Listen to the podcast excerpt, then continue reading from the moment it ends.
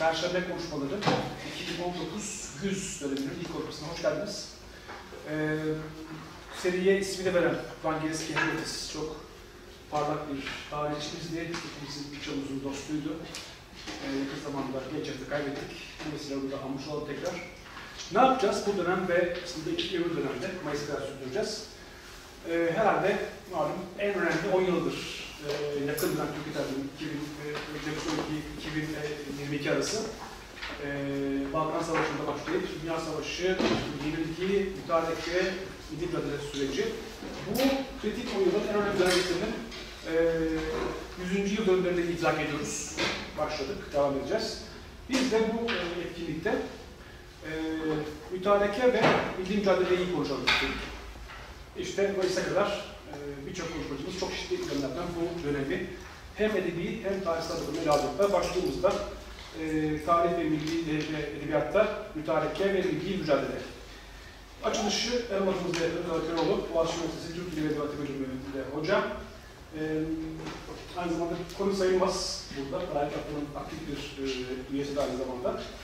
O e, Kurtuluş Savaşı e, üzerine konuşacak. O e, burada e, konuşan sandığım argümanı nasıl adım adım dersler bana geliştirdiğini şahit oldum. Çok ilginç bir konuşma olduğuna çok eminim. Deyip e, sözü Teşekkür ederim. Ee, şimdi benim oturuyor olmam mı? Nasıl, nasıl edersin? Yani e, ayakta da durabilirim. Ses de duyuluyor herhalde. Mikrofon gerektirecek bir Kayıt durum için var mı? Ha? Aa, öyle mi? O zaman oturmak gerekecek. Evet. Ha? Peki. Şöyle bakayım.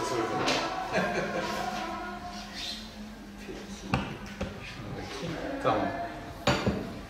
Şimdi herhalde ses de geliyordur. Ee, öncelikle e, evet yani misafir değilim ama yine de Tarih Vakfı'na ve dizinin bu seneki e, neyi diyelim, editörü mü diyeceğiz, e, koordinatörü Engin Kılıç'a davetleri için teşekkür ediyorum. E, size de e, zahmet edip geldiğiniz için e, çok teşekkür ediyorum. E, umarım e, güzel bir e, şey, e, sohbet e, olur. Benim ne kadar e, konuşmam öngörülüyor? Üst limit yok yani öyle bir şey olmasın tabii. 50 Tamam. dakika konuşma, kalan vakitte soracağım. Ha tamam yani e, 40 dakika gibi Tamam, güzel. düşünelim. Ondan sonra soru cevapla e, gideriz e, diyeyim. E, tabii biz e, e, bu başlığı belirlerken e, şu andaki gündem e, yoktu. E, ama e, şimdi e, milletin ebedi mücadelesi başlığı e, sanki e, gündeme dönük bir eleştiri olarak da anlaşılabilir. Belki de e, tehlike altındayız. Yani işte e, Türklüğe hakaretten yani hep mi ara verdik niye her zaman mı savaş vardı canım gibisinden bir tepki de olabilir. E, bu, bunu düşünmemiştik. Zaten bu da e, işin şakı yönü ama tabii ki şu veya bu oranda, şu veya bu yoğunlukta bir savaşta, e, savaş halinde olmak e, sevimli bir şey değil. E, bunun bir an önce sona ermesini kendi adıma umut ediyorum. E, ama milletin ebedi mücadelesi e, başlığını kullanırken e, birazcık e, şaşırtmaca vermek de istedik. E, yani sizde oldu mu bilmiyorum ama e, daha sonra başlığı belirledikten dedikten bir süre sonra ben başlığı baktığımda Zoka'yı yuttum. Bir dakika bu ebedi değil edebi mi olacaktı falan diye böyle bir e, durakladım. E, e, e, bugün e, sözüne edeceğim e, bu benim kendi adlandırmamla Kurtuluş Savaşı anlatıları türü evet belli bir tarihte ortaya çıkmış bir e, tür e, ve bugüne kadar e, devam ediyor, geliyor. Bir kere bu devamlılık üzerinden bir e, ebedi lafını kullanmak istedim. E, ayrıca tabii ki tarihsel olay Türkiye Cumhuriyeti'nin kurucu olayı olduğu için Kurtuluş Savaşı, Milli Mücadele, e, İstiklal Harbi değişik isimler veriyoruz ama aşağı yukarı e, hep aynı şeyi kastediyoruz. E, dolayısıyla bu kurucu olay göndermesi üzerinden de e, bir e, ebedilik e, söz konusu. Yani gündemde olmaya devam edecek gibi bir nokta var. E, bununla birlikte e, e, e, burada yani bir kere bu e, şeyin edebi türün edebi olmakla birlikte edebiyatı da aşan, edebiyattan başlamış ama başka e, sanatsal alanlara e, ve sanatsal olmayan alanlara da e, taşmış bir e, anlatı türünden bahsediyor olacağız. Dolayısıyla bunun kuruluşu, gelişimi, bugüne gelişi, dönemlendirilmesi gibi e, daha edebiyat tarihine e, özgü e, konulardan bahsediyor olacağım. E, fakat bu e, edebiyat tarihine özgürlük yine de e, bütün bu dönem boyunca işte e, 1920'lerden bugüne e, yaşanan e, siyasal e, ve toplumsal gelişmelerden e, ayrı da olmayacak. Dolayısıyla e, son derece e, politik e, bir e, kültürel üretim e, hakkında konuşuyor olacağız. E, e, ama öncelikle e, şeyden başlamak isterim. Bu alt başlıkta yer alan Kurtuluş Savaşı anlatıları türünden. Çünkü e, genellikle duyduğumuz şey ki bir takım derleme kitaplar da e, var bu konuda. Kurtuluş Savaşı romanları. Kurtuluş Savaşı romanları türü diyebiliyoruz. İşte e, e, Türk sinemasında Kurtuluş Savaşı gibi e, başlıklar e, söz konusu olabiliyor. Ben birazcık bundan daha geniş bir şey görüyorum. Her ne kadar e, türün bir kurucu metni olduğunu düşünsem, bunun da Halide Edip Adıvar'ın Ateşten Gömlek romanı e, olduğunu düşünsem ve türün belirleyici e, örneklerinin özellikle roman e, biçimi üzerinden ilerlediğini düşünsem de e, bunun ötesine geçtiğini, bunun dışına e, çıktığını e, düşünüyorum bu türün. E, dolayısıyla birazcık tür kavramı üzerine de konuşuyor olacağız e, vakit gelince.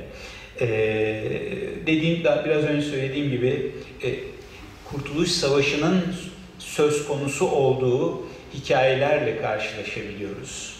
E, e, şiirlerle karşılaşabiliyoruz.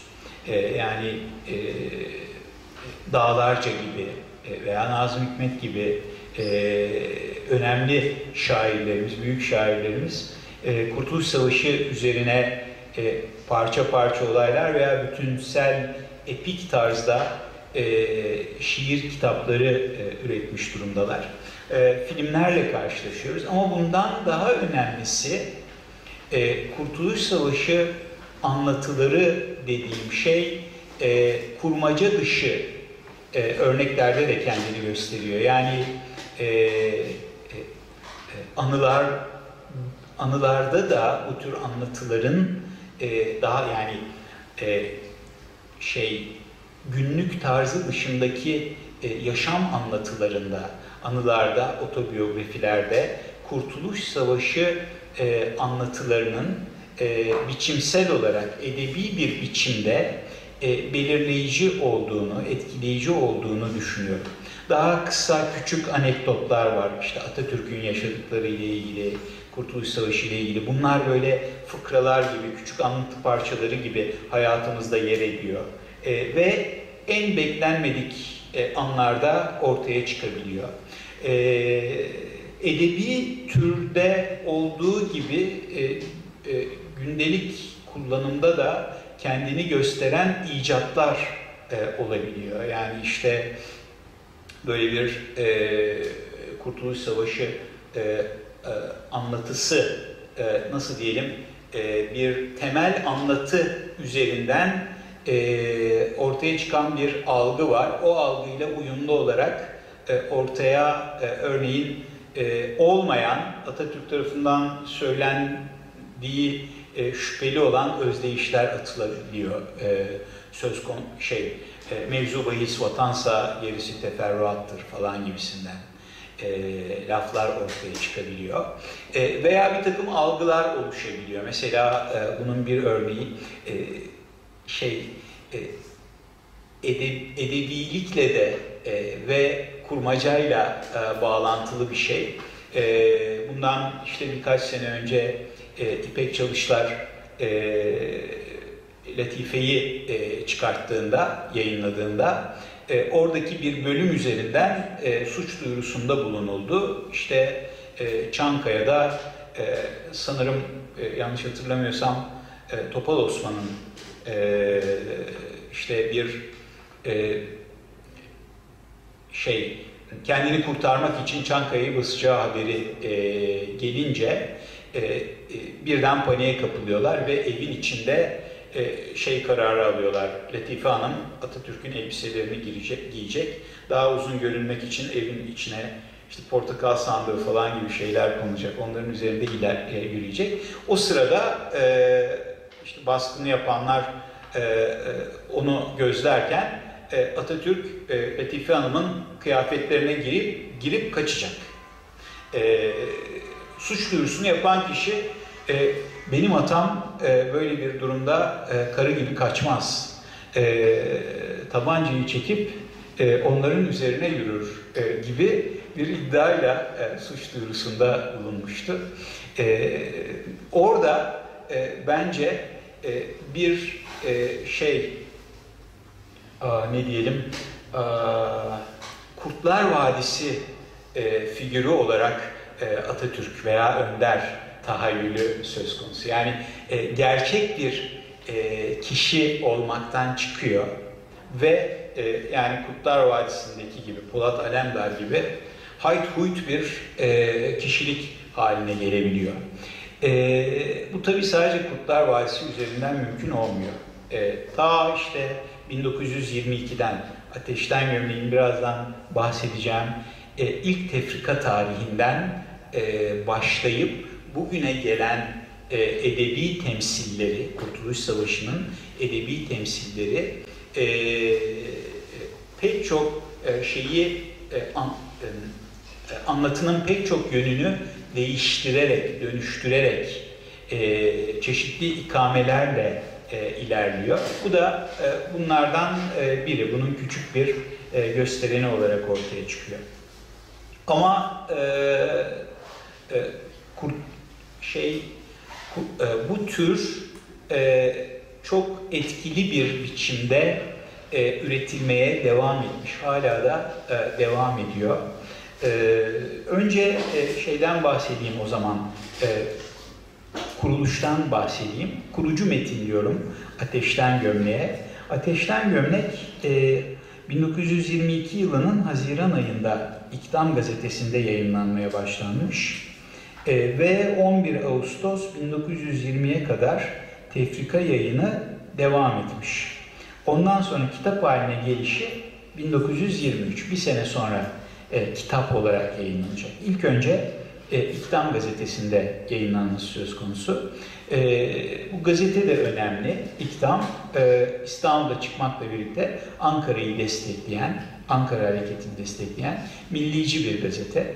E, ve roman yani o sırada Ankara'da olan, işte 1920'de 16 Mart'ta İstanbul'un işgali üzerine İstanbul'dan Ankara'ya kaçmış olan ve daha sonra düzenli ordu oluştuktan sonra e, orduda e, e, yani şey gibi nasıl diyelim temsili gibi görünse de aslında muvazzaf olarak görev yapan Halide Edip'in yazdığı bir roman. Dolayısıyla onun İktam'da yayınlanıyor olması önemli. Çünkü anılarından da başka kaynaklardan da bildiğimiz üzere Halide Edip e, işte önce Halide olmuş sonra Halide, Halide Çavuş e,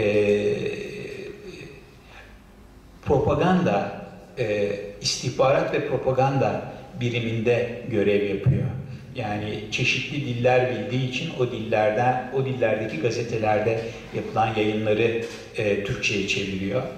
E, ayrıca e, işte başka halkla ilişkiler işleri görüyor ve e, Yunan işgaliyle ilgili e, e,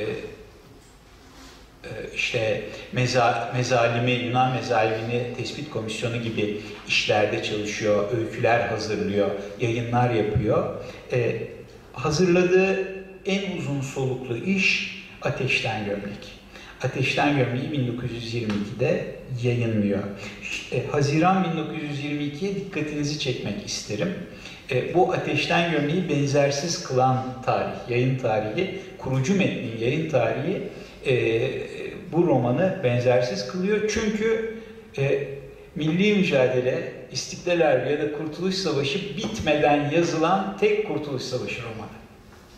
Yani henüz e, başkomutanlık meydan savaşı ve işte büyük taarruz başlamamış. Onun öncesinde yayınlanıyor. Ee, ve işte 11 Ağustos 1922'de e, e, tamamlanacak. E, benim e, düşündüğüm şey bu romanın e, temelde bir propaganda metni olarak hazırlandı. Yani e, ateşten gömlek kurduğu türde yer alan her metinden farklı olarak Kurtuluş Savaşı'nı kutlamak ve onun üzerinden böyle e, teleolojik yani geçmişe şu andaki ana varmak üzere, o zafer anına varmak üzere bakmayan tek metin. E, öyle bir ayrıcalığı var.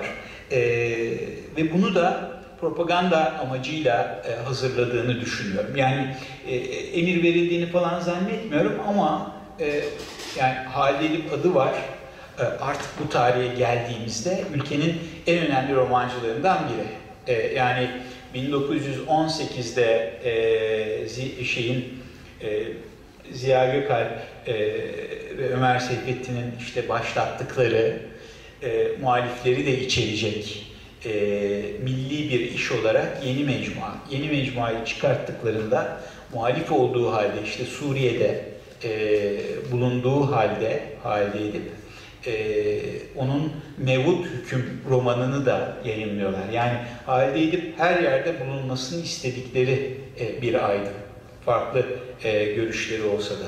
E, o yüzden e, Halide Edip'in bir e, roman yazıp bunu yayınlaması, milli mücadele yönünde bir roman yayınlaması önemli. Ee, İstanbul'daki kamuoyunu e, harekete geçirmek, etkilemek üzere yazılan bir roman olduğunu düşünüyorum e, Ateşten Gömleğin. Hikayesi de burada bitmeyecek aslında. E, yani bu ilk farkı. Ondan sonra bu türde e, yazılacak romanlardan ilk fark Halide Edip'in e, milli mücadele bitmeden önce bu e, şeyi metni yazması. E, bir başka e, önemli nokta tefrika başladığında ilk önce roman başlamadan önce e, Halil Yakup Kadri Bey'e açık mektup yazıyor. E, bu e, edebiyat tarihimizin e, en ilginç trollemelerinden biri. Yani resmen bir e, nanik hareketi.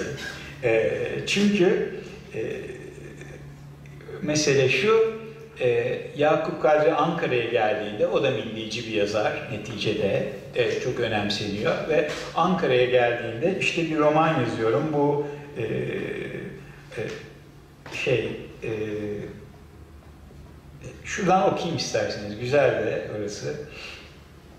Eee Küçük sanatımla Anadolu'yu resmetmekten feragat ettim. Belki sanat namına isabet etmiştim.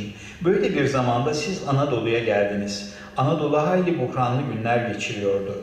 Anadolu Harekatı'nın hilkat günlerindeki ruhların izdihamı, ihtilacı ve hailesi artık geçmiş gibiydi. Havada daha mütekamil ve müşkül bir ihtilal ve harp kokusu vardı. Bununla beraber siz eski günleri sezmiş olacaksınız ki birdenbire bütün bu isimsiz şeyleri bir cümle içinde topladınız ve bana dediniz ki ben Ateşten Gömlek isminde bir Anadolu romanı yazacağım. Ben biraz size arkadaşça tazip için ben de bir ateşten gömlek yazacağım dedim. Siz yarı ciddi yarı şaka yapmayınız. Başka roman ismi yok mu dediniz. Ben ondan sonra Anadolu'ya bakarken, Anadolu'yu hissederken sadece ateşten gömlek diyorum. Sizin bu kadar muvaffakiyetle bulduğunuz ismi almayı düşünemeyecek kadar dürüst bir meslektaştım. Yalnız sizin o dam altındaki küçük odaya çekilip de ateşten gömleki yazdığınız zamanlar bende bir çocuk tecessüsü uyanıyordu. Biliyordum ki bütün eserleriniz gibi bunu da içinize bakarak içinizden yazıyorsunuz. Bütün hayatı kendi kuvvetinizin umkunu kazıyarak çıkarıyorsunuz. Binaenaleyh sizin ateşten gömleki taşıyanlar benimkiler değildir. Yani resmen e, e adamın başlığını araklamış, Ondan sonra da e, buna şey uyduruyor. E, e, bir e, neden uyduruyor ve çok da güzel uyduruyor. Yani e, söylediği şey e, Yakup Kadri'yi bilmem ama beni ikna ediyor. Yani iyi ki e, aşırmış e, belirtiyor. E, ve sonunu da şöyle bitirecek mektubun.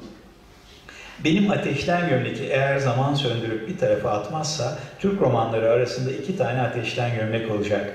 Belki 50 sene sonra bir kütüphane rafında yan yana oturacak olan bu iki kitap Hans Andersen'in masallarındaki gibi belki dile gelir, birbirlerine geçmiş günleri söylerler. Kim bilir o uzak atide Türk gençliğinin sırtındaki ateşten gömlek ne kadar bizimkilerden başka olacaktır.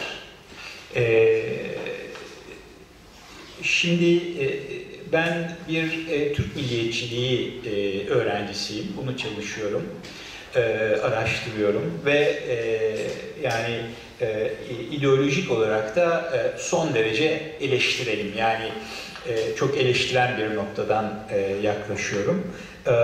Ve çok fazla milliyetçi metin okudum. Yani her türünü gördük diyebilirim yani. E, bu metinler arasında e, beni e, ağlatmayı e, başaran e, tek milliyetçi metin e, Halide Ateşten Yönlüğü, bu kurucu metin. Yani e, bu e, şu e, Hans Andersen masalları göndermesi bile e, beni ağlamaya yöneltiyor. Çünkü e, şeyi e, yaşadığı gerçekliği e, edebiyat alanına müth e, müthiş bir e, son derece e, edebi bir biçimde gerçekmiş gibi yapmaya çalışmadan aktarabilen bir dehası var e, Halide Edip'in.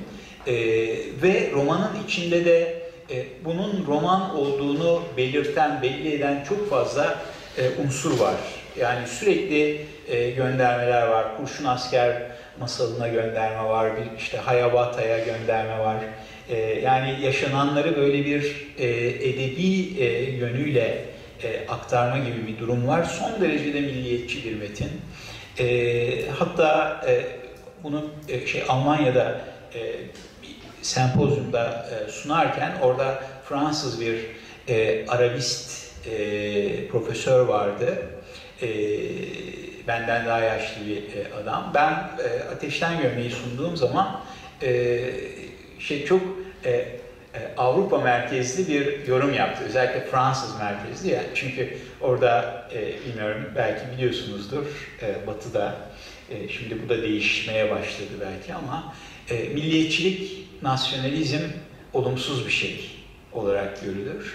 Patriotizm olumlu bir şey olarak görülür. Bu aslında ironik bir e, ayrımdır. Yani ikisi arasında e, gayet önemli paralellikler vesaire var. Ama ben bundan milliyetçilik diye bahsedince o da bana İngilizce olarak e, Errol this is nationalist shit dedi yani. E, adamın niye öyle dediğini anladım kendi şeyi üzerinden. E, ama değil işte. Yani e, tabii öyle de çok metin var Türkçe'de. E, her ideolojik bakıştan öyle çok metin var. E, ama e, bu metin e, öyle bir şey değil, müthiş bir e, dönüştürücü gücü var. Fakat bu mektuba geri dönersem buradaki edebi durumu bir parça daha açmak istiyorum. Yani sizce Yakup Kadri'nin hangi metniydi bu? Yani o başlığı çalınan metin sizce hangi metin olabilir? Tahmin var mı? Ya bunu yazmış mıdır daha sonra? Hı? Farklı bir isimle yani. Evet, Bildiğimiz bir isimle. evet. Öyle yok yani. Onlara yaban daha çok bir hayal kırıklığı üzerine gidiyor. Evet, evet. Ben e, e, Anadolu romanı dediği için, ben bir Anadolu romanı yazmak istiyorum dediği için Halide ve onu aktarıyor. Ben bunun yaban olduğunu, e, yaban olduğuna inanmak istiyorum. Yani yabanda bir acıklı falan yok yani. Normal bir hayal kırıklığı var ama işte ayağı sakat olan Ama şey, kolu olmayan, kolunu Çanakkale'de kaybetmiş e, e, bir kahraman, e, bir Çanakkale gazisi. E, e, işte e, İş- işgal İstanbul'unda kalmamak için e, Emireri'nin e, köyüne gidiyor. Haymana'ya, e, Haymana taraflarında bir köye gidiyor ve orada köylülerin mi- mi- millet bilincinden, milli bilinçten e, uzaklığını görüyor. Bunun eziyeti, e, orada yaban olmak, yani aynı millet, millettaş olduğu insanlarla arasındaki e, uzaklık. E, ben e, ve e, yani bildiğimiz anlamda bir milli mücadele romanı değil o, Kurtuluş Savaşı romanı değil. Ama Kurtuluş Savaşı ile ilgili bir roman var. Kurtuluş Savaşı ile ve e, işte ulusal bilinç meselesiyle, bu bilincin oluşturulmasıyla bağlantılı. E, benim e, o yüzden bu e, mektuptan kaynaklanan anekdotal durum bana eğlenceli geliyor. Yani şeyi düşünmek istiyorum. Halide Edip şık bir hareketle başlığı çalıyor ve e, Yakup Kadri'nin Yaban'ı yayınlamasını 10 sene geciktiriyor. Yani 1933'e kadar ondan sonra yayınlayamayacak. Yani bu tabii ki bir spekülasyon ama e, Yakup Kadri'nin o dönemdeki yayın çizgisine baktığım zaman ben şeyi de soruyorum bir edebiyat tarihçisi olarak. Şimdi e, şeyin tefrikası 1920 kiralık konak. Ee, Sodom ve Gomorre 1926. Ee, ya arada tam milli mücadelenin başarıya ulaştığı dönemde, çünkü çok aktif o sırada Yakup Kadri, ya da hemen sonrasında Sodom ve Gomorre'den sonra niye bir roman çıkmıyor? Bu roman, e, milli mücadele ile ilgili roman, neden 1933'e kadar e, kalıyor e, sorusu geliyor benim aklıma. E, ve e, mesela kiralık konağı biliyorsunuz o e, 1916'da sona erer. E, 1908 civarında başlar, 1916'da sona erer. Ama e, bu konuda benim bir makalem de var. E, Mahzen'deki geçmiş e, başlığıyla. Şey, Yakup Kadri Karaosmanoğlu'nun romanlarında Birinci Dünya Savaşı. E, e, şey, bunu 1920'de yayınlamasının nedeni bence Yakup Kadri'nin e, bir Jacoben olarak, Jacoben Türk milliyetçisi ve daha sonra işte Kemalisti, daha sonra kadroculuğa gidecek tabii ki yolu olarak e, Osmanlı bitti manifestosudur. Bitti. Kapattık diyor. Dükkanı kapattık. Osmanlı ile ilgili kurtarılacak bir şey yok. Bunun bir örneği olarak romanın sonunu düşünebiliriz. E, romanın kahramanı e, milliyetçi bir e, Türk yedek subayıdır. Çanakkale'de savaşmaktadır ama o Yoz kuzenine duyduğu, fahişeliğe doğru ilerlemekte olan e, Seniha'ya duyduğu aşkın üstesinden gelememektedir. O yüzden intihar eder gibi ölür. Onun Çanakkale'deki ölümü intihar gibidir. Çünkü onun oradaki fedakarlığını, e, takdir edecek bir toplum henüz belirmemiştir. E, milli değerlerden uzak bir toplum vardır. E, dolayısıyla tam bir yozluk anlatısı olarak ortaya çıkar. E, o yüzden buradaki e, ya şeyin Ali Edip'in e, bütün hayatı kendi kuvvetinizin umkunu kazıyarak çıkarıyorsunuz lafı e, tam e, kiralık konağa da Sodom ve Gomorre'ye de e, şeye de yabana da e, uyan bir e, çizgi. Ama neticede başlangıcı halde edip yapıyor ve bize e, bir e, Kurtuluş Savaşı e, romanı vermiş oluyor. Kurucu metni vermiş oluyor. Veriyor ama e, onu izleyen ki bunlar 1900 e, hemen 1923'te e, ya Ercüment Ekrem Talun'un Kan ve İman romanı e, Ateşten Gömleğin tefrikasından 6 ay sonra falan tefrika edilmeye başlanıyor. E, dolayısıyla hemen arkasından gelmeye başlıyor Kurtuluş Savaşı e, anlatıları. E, hiçbiri Halide Edip Adıvar'ın bu romanda kurduğu yapıyı birebir korumuyorlar. Korudukları belli şeyler var. Halide Adıvar'ın Kurtuluş Savaşı anlatılarına bugüne kadar gelen türe e, kattığı belli noktalar var. Bir, e, pardon onun için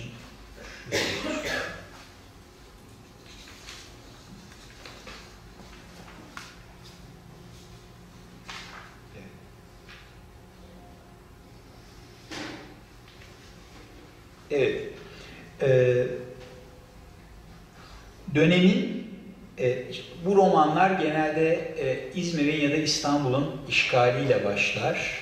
Kahramanlar e, e, böyle bir öykü yapısı vardır. Kahramanlar e, bu işgal durumundan kaçıp e, kutsal bir mekan olarak belirledikleri Ankara'ya sığınırlar ve Ankara'dan aldıkları güçle geri dönüp dış ve iç düşmanla savaşarak o düşmanları e, denize dökerler ve e, cumhuriyeti kurarlar. Yani en temelde e, anlatı bu şekilde biçimlenir. E, Mustafa Kemal adeta e, peygamber gibi e, ve bazen hatta tanrısal özellikleri olan bir e, lider olarak görülür. E, e, şey milli mücadele tarihiyle ilgili elimizde farklı veriler olsa da bunlar gizli bilgiler değil. İstiklal mahkemeleri, asker kaçaklığı vesaire falan gibi şeyler, isyanlar falan gibi şeyler. Buna rağmen e, resmi tarihe de yansıyan, oradan da Kurtuluş Savaşı anlatılarına geçen millet, Türk milleti liderin e, arkasında yek vücut olur ve dış ve iç düşmanı denize dökerek e, hikayeyi mutlu bir şekilde sonuçlandırır. Yani böyle bir şey var, e, yapı var. E, bununla birlikte işte e, bu, bu, bu anlattığım, sözünü ettiğim yapının bazı bölümleri e, ateşten gömlekten kaynaklanıyor. Bir tane, birincisi romanın başındaki psikolojik kriz durumu. Karakterin yani e, milliyetçi e, karakterin işgalden kaynaklanan, toplumsal ve siyasal koşullardan kaynaklanan psikolojik kriz e, durumu. Roman bu krizde açılır, romanlar. İkincisi, e, üçüncüyü söyleyeyim ilk önce, o daha rahat anlaş, anlaşılacak. Kutsallaştırmaya yönelen bir anlatı üslubu. Yani Kurtuluş Savaşı romanlarında bütün bu mücadele e, kutsallaştırılır. Yani bazen lider tanrısallaştırılır, kahramanlar tanrısallaştırılır. E, her şey böyle e, düzenli biçimde e, anlatılır. Bununla ilgili e, ilginç gelecek ayrıntılar da var. Ateşten görmek üzerinden söyleyeceğim. Üçüncüsü e, toplumsal cinsiyetin e, sorunsal ele alınışı.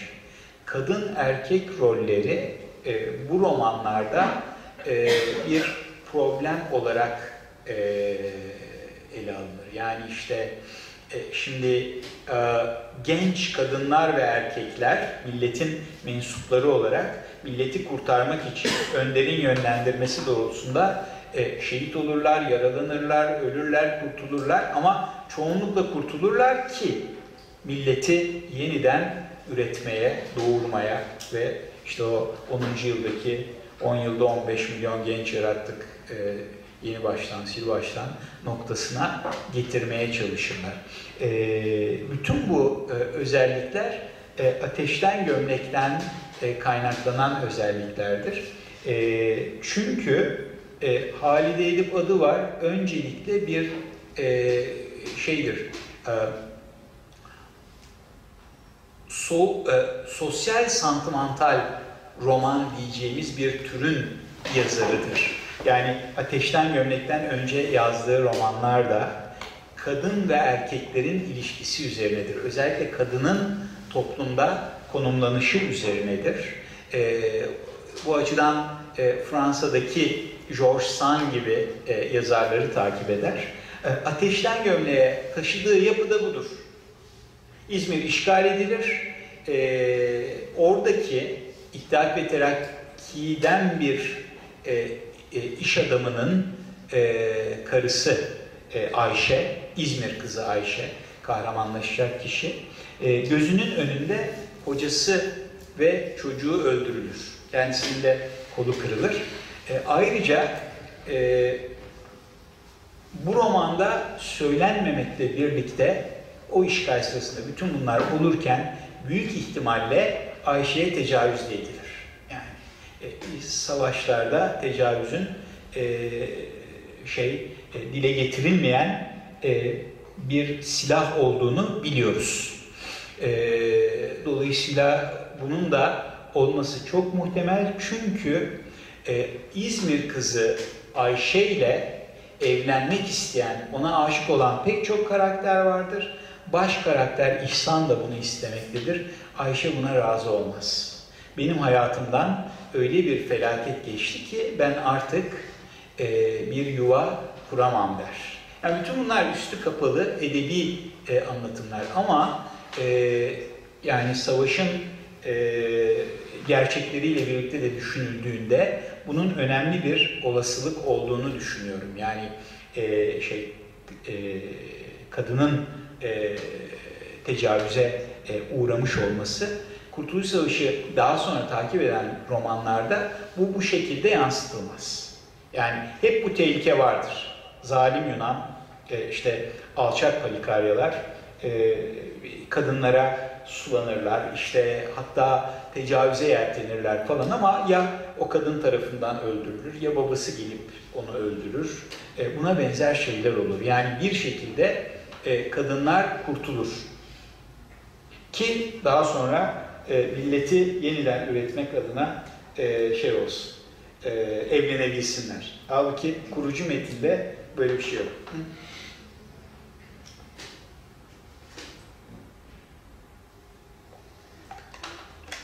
E, Halide Edip'in metninde e, var olan başka çok önemli bir şey var.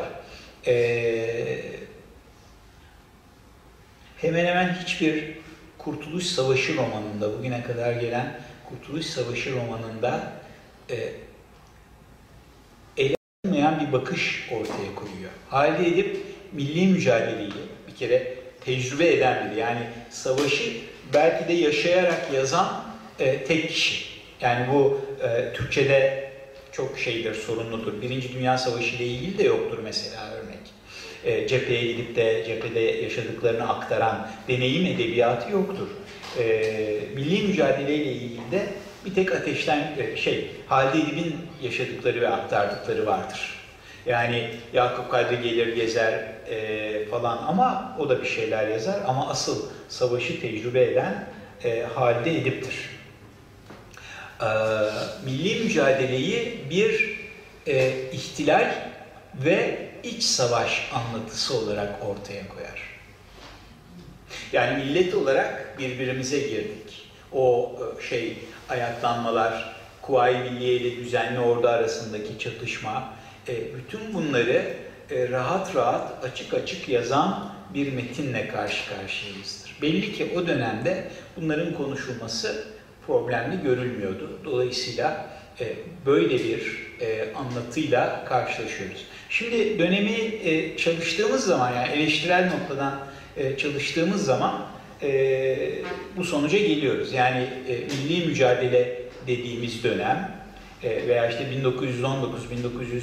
1919-1923 arası dönem gerçekten bazı dönemlerde iç savaş özelliği de gösteriyor. Bazı dönemlerde bir işte ihtilal e, tarzı özellikler de gösteriyor. Ama e, daha sonra üretilen romanlarda bu böyle görülmüyor. Çünkü e, efendim bu iç savaşta ve içimizden e, e, ihanet eden de vardı. Önce bizden olup daha sonra e, ayrılanlar da vardı falan filan der ve hepsine anlayışla bakarsanız bir millet anlatısı kuramazsınız.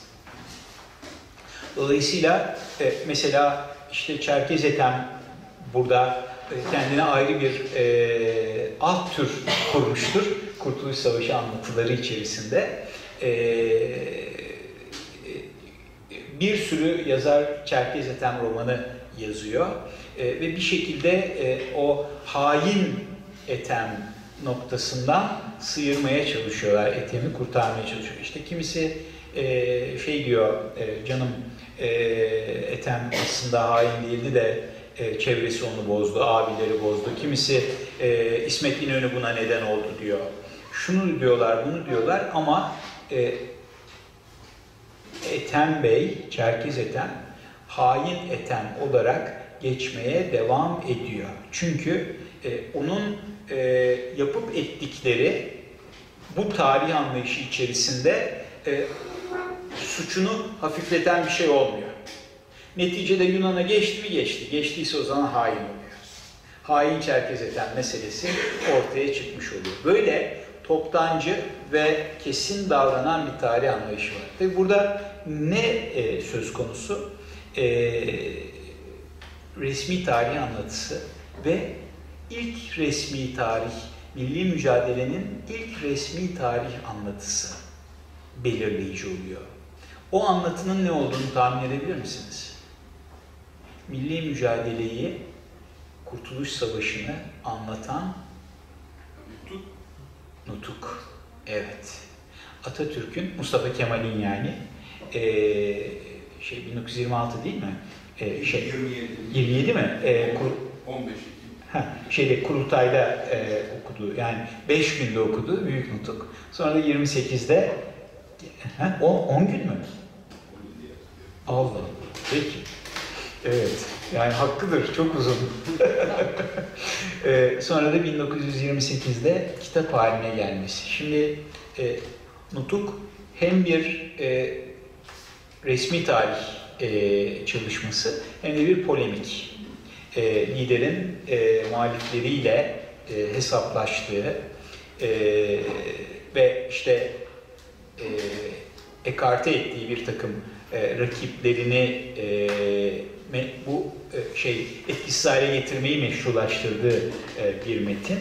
E, ama Halil'in metninden 1928'e kadar, Nutuk'a kadar farklı bakış açılarını içeren milli mücadele anlatılarıyla karşılaşıyoruz. Bunlar Halide Edip'inki gibi kompleks bir noktadan konuşmuyorlar. E, daha epik, daha böyle destanlaştırıcı, daha kahramanlık edebiyatı e, peşinde gidiyorlar. Ama yine de iyi kötü kendilerince e, bazı mesajlar veriyorlar. İşte bu savaşın belli e, bölümleriyle ilgili bir şeyler söylüyorlar. Örneğin bu Kan ve İman romanında Ercüment Ekrem Talu bir İstanbullu olarak İstanbul'un milli mücadeleye katkısını vurguluyor. İşte İstanbullu karakterler gidiyorlar, savaşıyorlar falan. Başka bir takım özellikleri var. Onunla ilgili de bir makale Akademi'de e, mevcut. Ee, Aka Gündüz burada anılması gereken bir yazar mesela. Aka Gündüz'ün e, adını duymuşsunuzdur en azından. E, kaç kişi okumuştur veya e, okuma e, şey sabrını göstermiştir bilmiyorum ama e, Dikmen Yıldızı romanı 1928'de e, Arap harfleriyle e, basılmış bir roman. E, böyle romanlar yani nutuk etkisinde olmadan yazılmış romanlar. E, Dikmen Yıldızı'nın da çok kendine özgü yönleri vardır.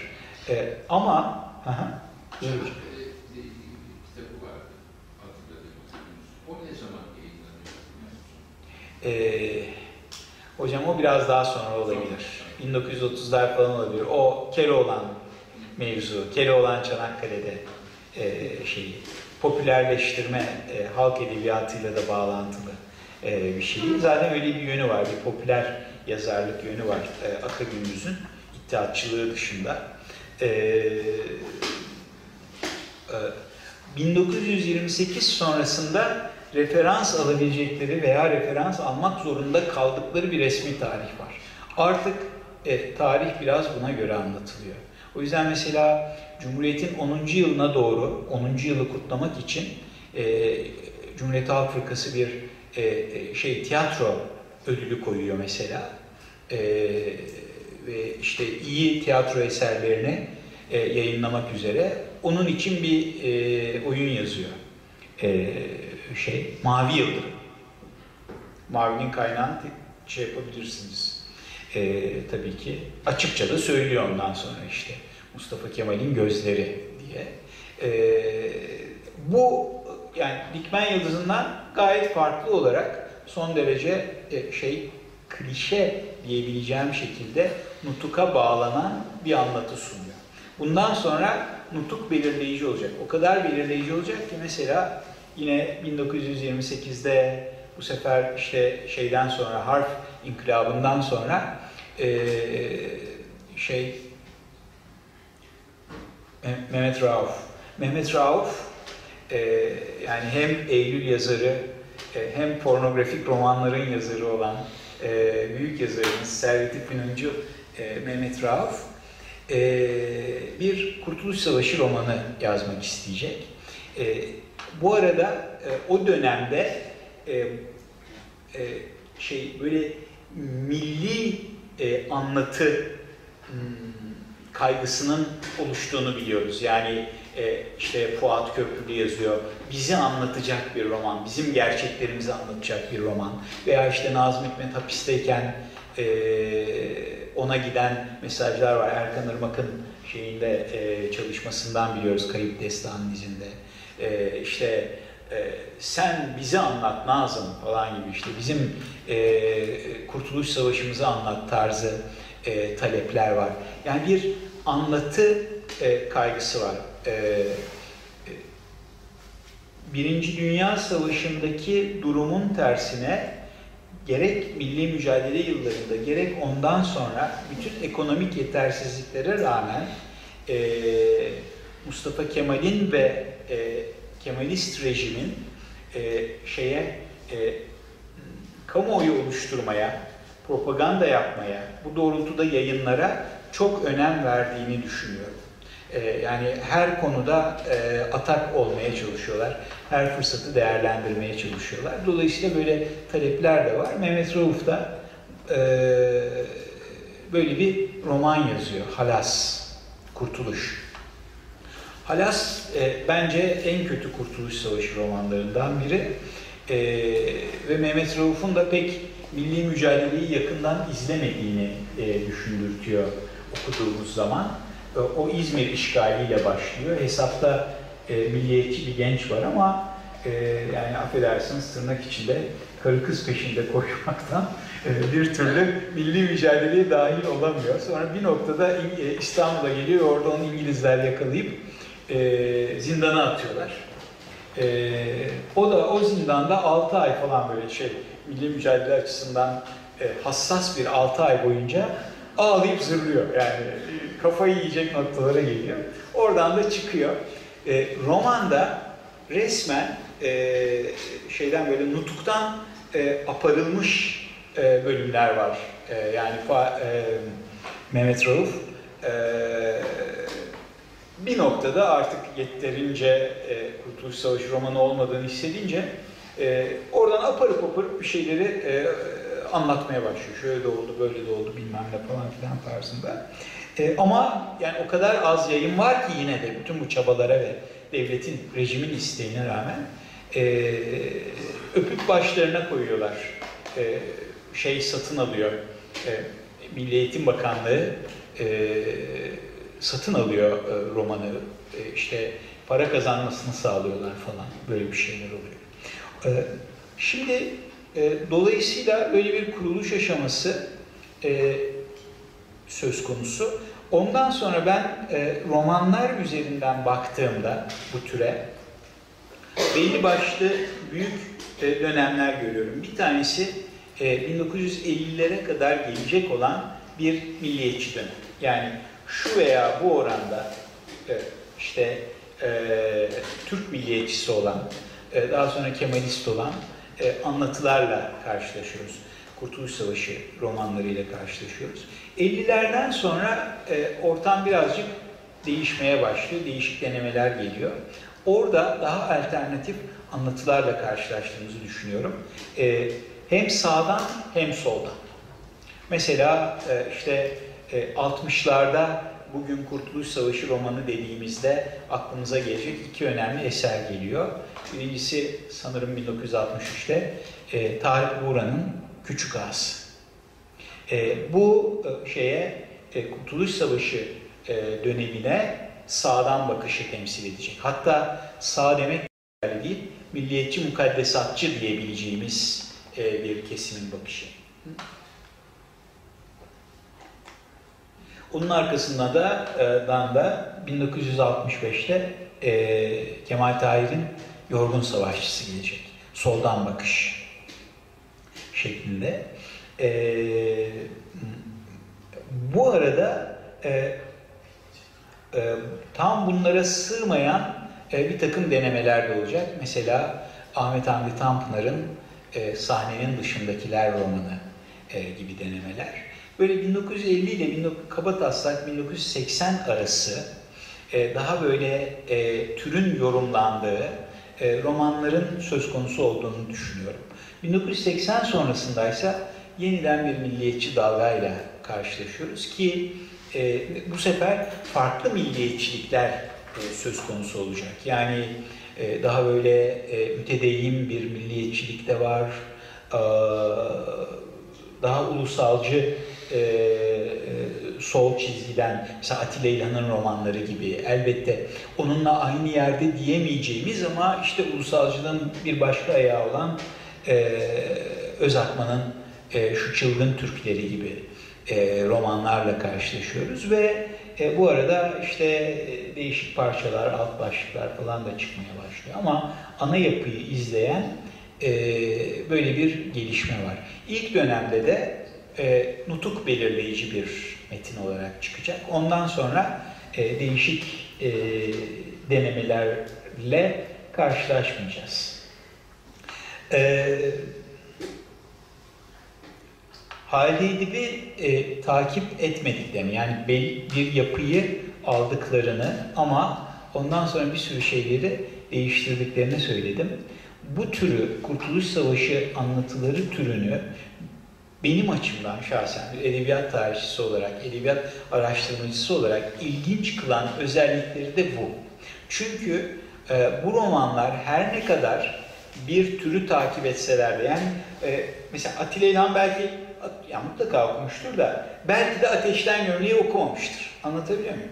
Veya bir e, başka hmm, şey e, Kurtuluş Savaşı romancısı e,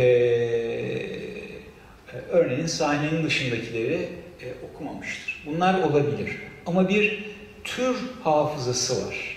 Metinden metne geçen, e, çok böyle altı çizilmemiş bir metinler arasılık var. Ve bunlar üzerinden e, bir geleneğe dahil oluyorlar. Nasıl her dedektif anlatısı, işte katil kim anlatısı birbirine benzese bile farklılıklar içerse de hatta alt türler, karşı türler vesaire e, içerse de neticede bir şey vardır. Yani e, şey e, kimse genç Werder'in acılarını e, bir e, polisiye roman olarak düşünmeyecek. E, yani bir polisiye roman dediğimizde e, neye baktığımızı e, biliyor olacağız. O yüzden Kurtuluş Savaşı romanlarında da böyle bir şey var. Ama e, her roman yazıldığı dönemin, e, her romancı yazdığı dönemin siyasal, tarihsel, ekonomik, e, sosyal psikolojik koşullarını bir biçimde e, romana yansıtıyor. Yani e, her dönemin Kurtuluş Savaşı anlatısı farklı özellikler de gösteriyor.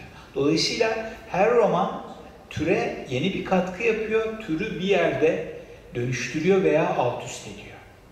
Bunlarla karşılaşıyoruz. Mesela Küçük Ağa'dan bahsedebiliriz. Ee, Küçük Ağa e, benim Türk romanında, tarihsel romanlarda ama özellikle Kurtuluş Savaşı romanlarında gördüğüm bir alt türün önemli bir temsilcisi aklama metinleri, apoloji metinleri e, de diyorum.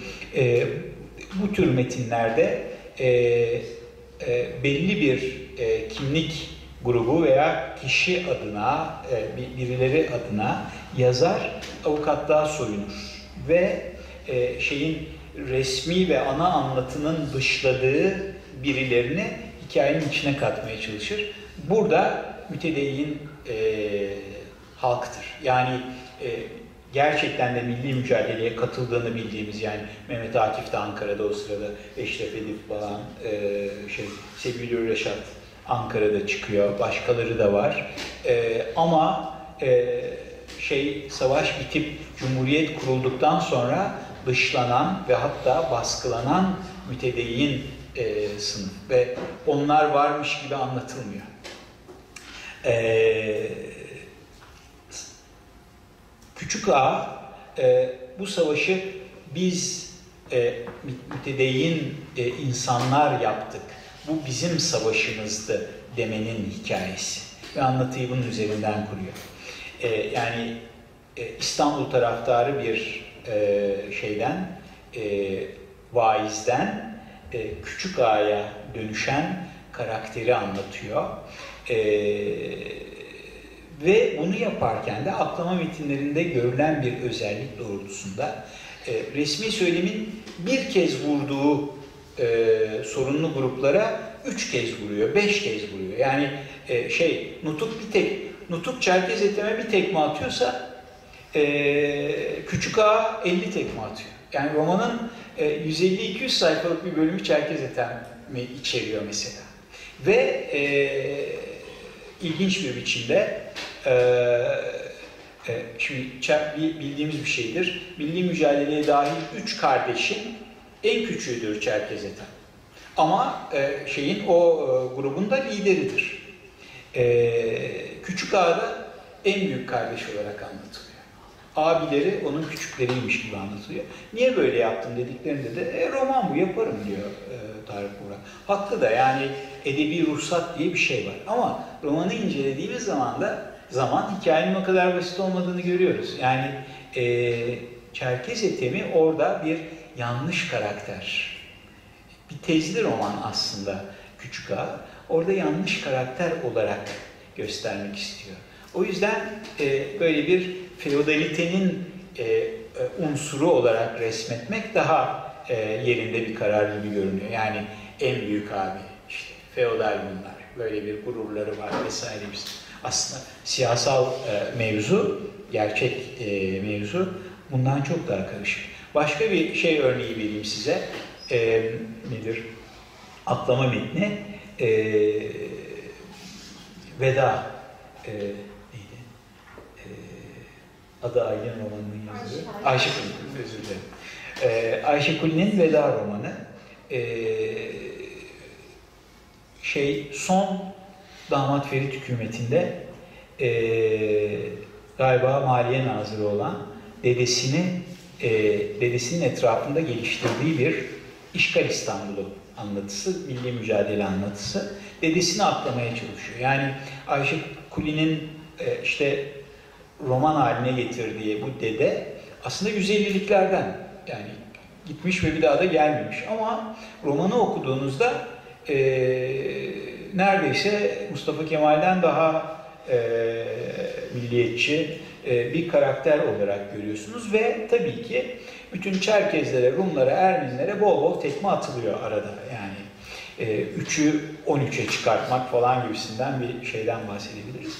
İlginç bir biçimde bir noktada e, bir mektup e, yazılıyor ve mektupta Şeyh Said de e, işte e, Kürtleri e, İngilizlerle anlaşıp Kürtleri Ankara'ya karşı ayaklandırmaya çalışıyormuş, ayaklandırıyormuş falan diye bir ibare geçiyor. Şimdi yani tarihsel olarak e, bu tuhaf bir bilgi. Yani 1921 yılında Şeyh Said'in e, veya oradaki Kürtlerin Ankara'ya karşı bir isyan halinde olmadığını biliyoruz. Yani bir özel bir problem yok. Ee, Şeyh Said daha sonra girecek Türk tarihine ve işte Şeyh Said e, isyanı, ayaklanması üzerinden söz konusu olacak ama e, öyle İngilizlerle işbirliği falan gibi bir durum yok. Nedir bu? Şeyh Said dediği karakter İstanbul'daki Said Molla. İngiliz Muhipleri e, Cemiyeti'nin kurucularından e, ve e, işte sarayla bağlantılı falan e, ve Ankara'ya karşı gerçekten bir Kürt de böyle bir takım denemelere falan da girişiyor ama o şey Said değil Said Molla.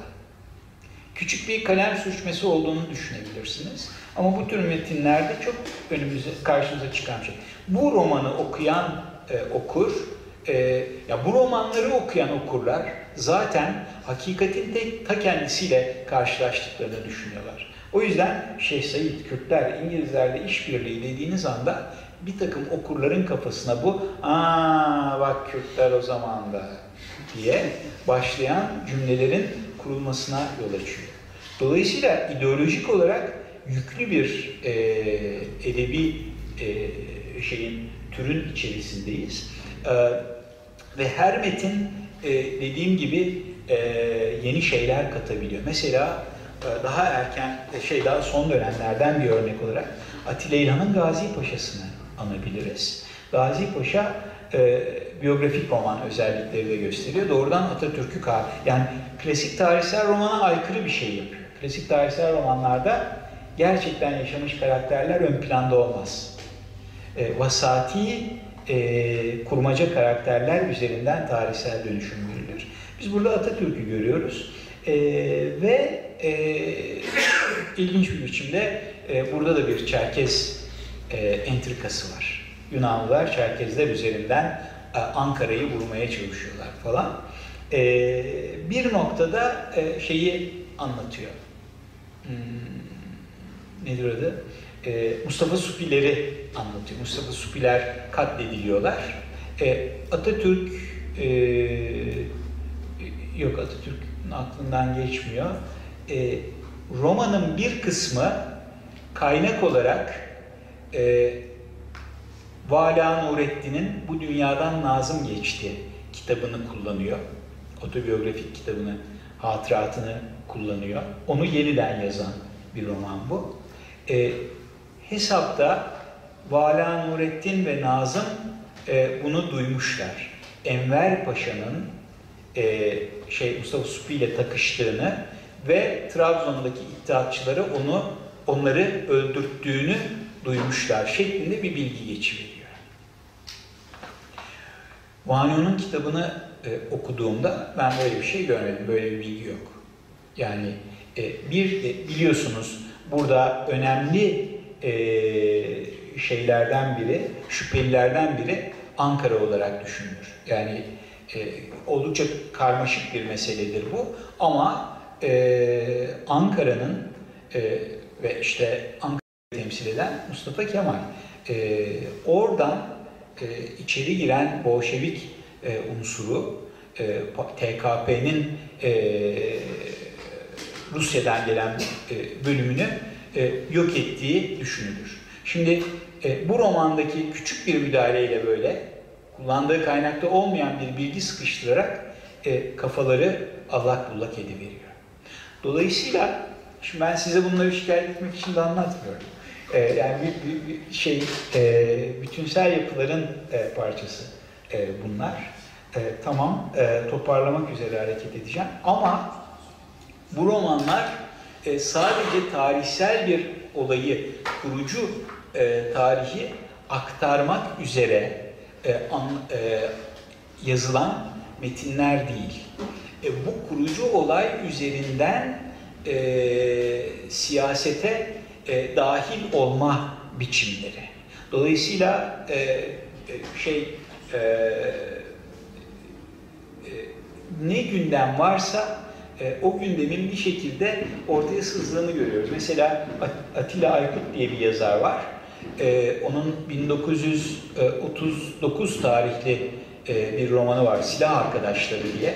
Sonra bir sürü baskısı da yapılmış. Oradaki kahramanlar Kastamonu'nun bir köyünde e, tekalifi milliye vergisi topluyorlar. Bu arada böyle bir şey mümkün değil. Devlet topluyor. Bunlar gönüllü olarak tekalifi milliye vergisi toplamaya gitmişler. Ama işte kahramanlara kahramanlık yaptırmak gerekiyor.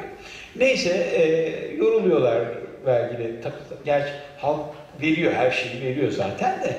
E, şey e, köyün e, nedir köydeki e, görevlilerden biri muhtar değil de başka Evet. ha? Yani e, köy memuru diyesim geliyor. Böyle bir e, şeyi var. Neyse o bunları öğle yemeğine davet ediyor evine. Bir giriyorlar e, şeyde e, duvarda başbuğun fotoğrafı çerçeve, başbuğ lafını kullanıyor o dönemden gelen. Yani lider demek istiyor. Atatürk'e gönderme yapıyor. Onun fotoğrafını görüyorlar ve o köy evinde ne görseler beğenirsiniz? Bir masa ve Avrupa'yı tarzda kurulmuş bir sofra.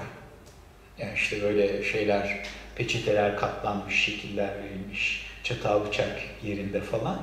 Gayet normal bir şekilde ani güzel diye oturup e, yemeklerini yiyorlar. Söz konusu olan dönem 1920-21. Kastamonu'nun bir köyünde öyle bir tarih. Neden? 1939. Tek parti döneminin e, şey e, memur aydın e, ideal e, vatansever olarak memur aydın tipinin romana girişini görüyoruz. Yani bunun üzerinden e, öyle bir e, tahayyülde bulunuyor. 1939'da söz konusu olacak bir tahayyülü o döneme yansıtıyor.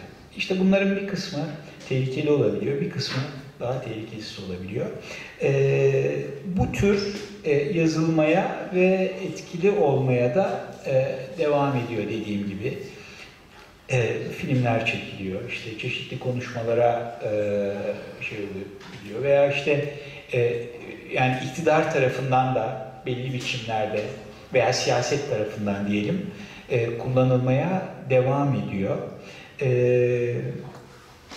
e, eleştirel bir yaklaşım için e, yani tarihsel içerdikleri tarihsel bilgiler için değil, tam da e, nasıl semptomatik tarihi nasıl semptomatik kullandıklarını görmek için belli dönemlerde belli konulara nasıl yaklaşıldığını görmek için e, çok e, elverişli metinler. O yüzden sadece edebiyatçıların değil, e, yani tabii ki akademik alanın dışındaki okurlara hitap ettiği kadar araştırmacıların da dikkate alması gereken ve üretilmeye devam eden bir alan olduğunu belirterek sözlerime son veriyorum. Bir saati bulduk galiba. Çok çok teşekkürler Erol hocamıza. Buyurun efendim. Sorular. Beyefendi önce, hadi sonra. Ee, Ateşten Gövdeğin aslında Yapkatı'nın sonradan yazdığı yabanın adı olduğunu düşünmek istemenizin sebebi yabandaki hangi özellik ya da hangi karakterin ya da hangi durumun özelliği? Bunu merak ettim. e, e, yaban e, milli mücadeleyle ilgili ama tam da e, şeyin e, Yakup Kadri'nin e, seçkinci tavrını e, e, örnekleyen şeyler içeriyor. Yani orada halkın ne kadar cahil ve milli bilinçten köylülerin uzak olduğu, bunların mutlaka eğitilmesi gerektiği, ee, ama zaten bunların bu halde olmasının, yani parantez içinde hayvan gibi yaşamalarının e, aydının sorumluluğu olduğu, onların suçu olduğu gibi e, unsurlar var. E, o yüzden böyle bir spekülasyon üretiyorum. Ama başlangıcı burada. Yani e, Yakup Kadri e, edebi açıdan çok ciddi bir yazardır. Yani öyle benim de aklıma bir şey geldi, bunu da bir yazarım, yazıyorum falan diye e, öyle kıtır atacak, yalan söyleyecek bir yazar değildir. Halide Edip'e bunu söylediyse büyük ihtimalle bir şeyin üzerindeydi. Yani benim kastım. Ateşten gömlek tabiriyle seçkincilik arasında mı bir bağlantı kuruyorsunuz? E, Onu şey, şeyin yaşadığı tam bir ateşten gömlektir. Oradaki baş karakterin yaşadığı. O köyde bir kolunu kaybetmiş olarak gençliğini vermiş. e, yani e, şey ailesi ait olduğu üst sınıfın e, değerlerinden ayrı düşmüş.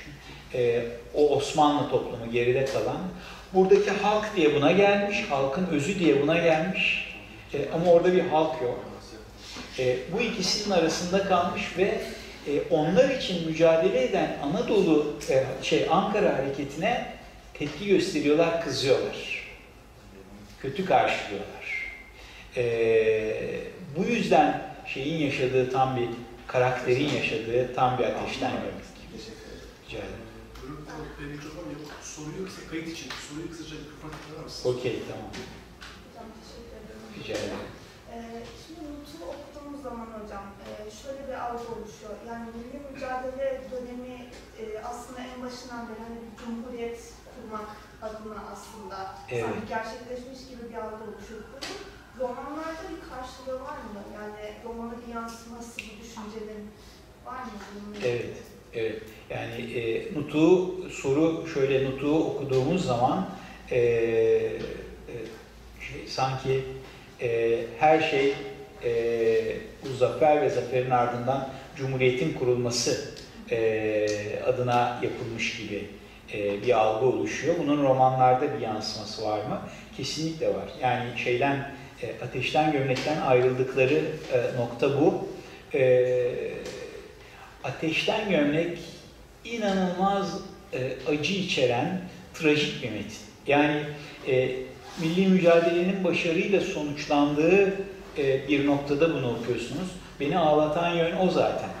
Hayatları allak bullak olmuş. Buna rağmen e, şey e, işgali sona erdirmek ve düşmanı temizlemek adına e, bu yıkılmış, kırılmış, yaralı insanlar savaşıyorlar ve kendilerini feda ediyorlar. Ve romanın sonu o açıdan çok çarpıcıdır. Ee, aslında bu romanın anlatıcısı Peyami adlı İstanbullu bir diplomattır. Ayşe'ye olan aşkından o da Ankara'ya gitmiştir, asker olmuştur. Ayşe ve İhsan e, ve Ayşe'nin abisi Cemal hepsi, pardon Cemal hayatta, e, Sakarya Savaşı'nın sonunda şehit olurlar. Bir tek Peyami kurtulmuştur, e, bacakları kesilerek, e, kolları yerinde ama kafasında da bir kurşun vardır. Ameliyata alınacak, gücünü toplamasını bekliyorlar. O dönemde ameliyatı beklediği bir buçuk ay içinde tuttuğu günlüklerdir ateşten gömlek. Bir buçuk ay içinde e, sadece onun sesini duyarız. Romanın sonuna geldiğimizde ise e, şey e, e, iki doktor aralarında konuşurlar. E, e, belli ki ameliyat olmuştur. E, okuyayım mı? Aslında güzel bir şey. E, Cebeci Hastanesi'nin yolundan inerken iki doktor konuşuyorlardı. İhtiyat mülazımı Peyami Efendi'nin evrakındaki isimleri tetkik ettim. Ne çıktı? Ayşe isimli bir hemşire hiçbir kolordu seyyarında çalışmamış. İhsan isminde alay kumandanı yok. Akrabaları yok mu? Cemal isminde şehit olan bir dayızadesi var. Cemal'in bir de kız kardeşi varmış. Fakat kimse ne ismini ne de ne olduğunu biliyor. O halde kurşunun dimağındaki tesiri. İki doktor çok uzun ve fenli bir münakaşadan sonra beyninden kurşun çıkarken ölen Peyami'nin ateşten gömleğine çetin ve latince bir isim koydular. Evet. Her şey e, allak bullak oldu burada. Yani Ayşe diye biri yok, İhsan diye biri yok. Cemal varmış, o da e, şehit olmuş. E, ve halüsinasyon diyorlar. E, kurşun halüsinasyona yol açmış ve bu roman yazılmış. Belki de Ayşe'nin adını Ayşe gerçekten adı Ayşe değildi. Farklı bir isimle hatırlıyor. İhsan'ı farklı bir isimle hatırlıyor.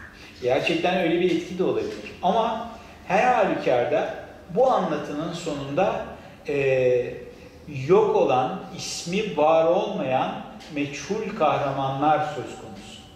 Yani arkada hiçbir isim kalmamış. Şimdi bu e, şey e, çok can acıtıcı bir şey. Yani bir mücadele veriyorsun ve işte e, kahramanlık şiirleri bunu e, sudan ucuz bir şekilde anlatır. E, işte e, vatan için toprağa düşen asker falan. E ama yani yok oluyor, hayatlar yok oluyor. Bu hayat dünyaya geldi mi gelmedi mi o belli değil. E, bunun ağırlığını veren e, bir sonla karşılaşıyoruz. Ve bütün metnin, metin çok trajik bir metin. Bundan sonra gelen metinlere baktığımızda tam bu yüzden işte buna teleolojik diyebiliriz, ereksel. Yani e, varılan noktadan geçmişe projeksiyon yapan, geçmişe giden ve buraya varışı garanti olarak gösteren anlatı. İdeolojik olan bu zaten. Yani tarihsel süreci belirsizlikleri olan siyasal bir mücadele olarak değil, e, eskatolojik olarak e, ereksel, buraya varmak zorunda olan bir şey olarak anlatılıyor.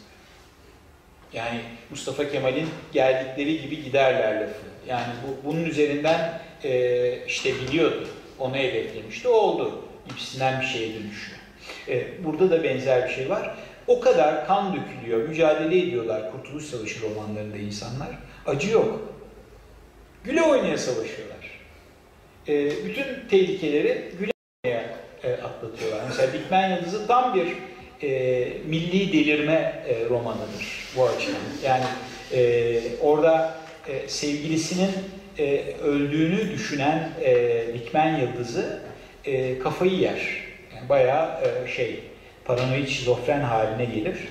Bütün millet bir toplu, toplumsal e, e, çılgınlık eğitiminden geçirirler onu. Yani belli bir noktada e, köylü bir köylü kadın e, Dikmen Yıldız'ına şey der mesela, Gazi'ye inan Yıldız, Gazi'ye inan.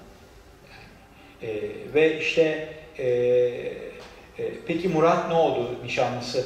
E, e, Murat e, kim? Murat ne oldu falan diye bir soru sorunca Murat biziz, hepimiziz. E, Murat Gazi'dir, Murat sensin. Meğer adam e, gizli görevdeymiş, ölmüyormuş bu arada. Yani kadın e, kafayı yedikten sonra bu da ortaya çıkar. En sonunda da e, birleşirler ve e, bu e, delirium haline ulaştıktan sonra Dikmen e, ödülünü alır. Murat'la evlenir. Dolayısıyla e, bu e, şeydeki ereksellik, e, nutuktaki ereksellik e, bütün bu romanlarda da kendini gösterecektir.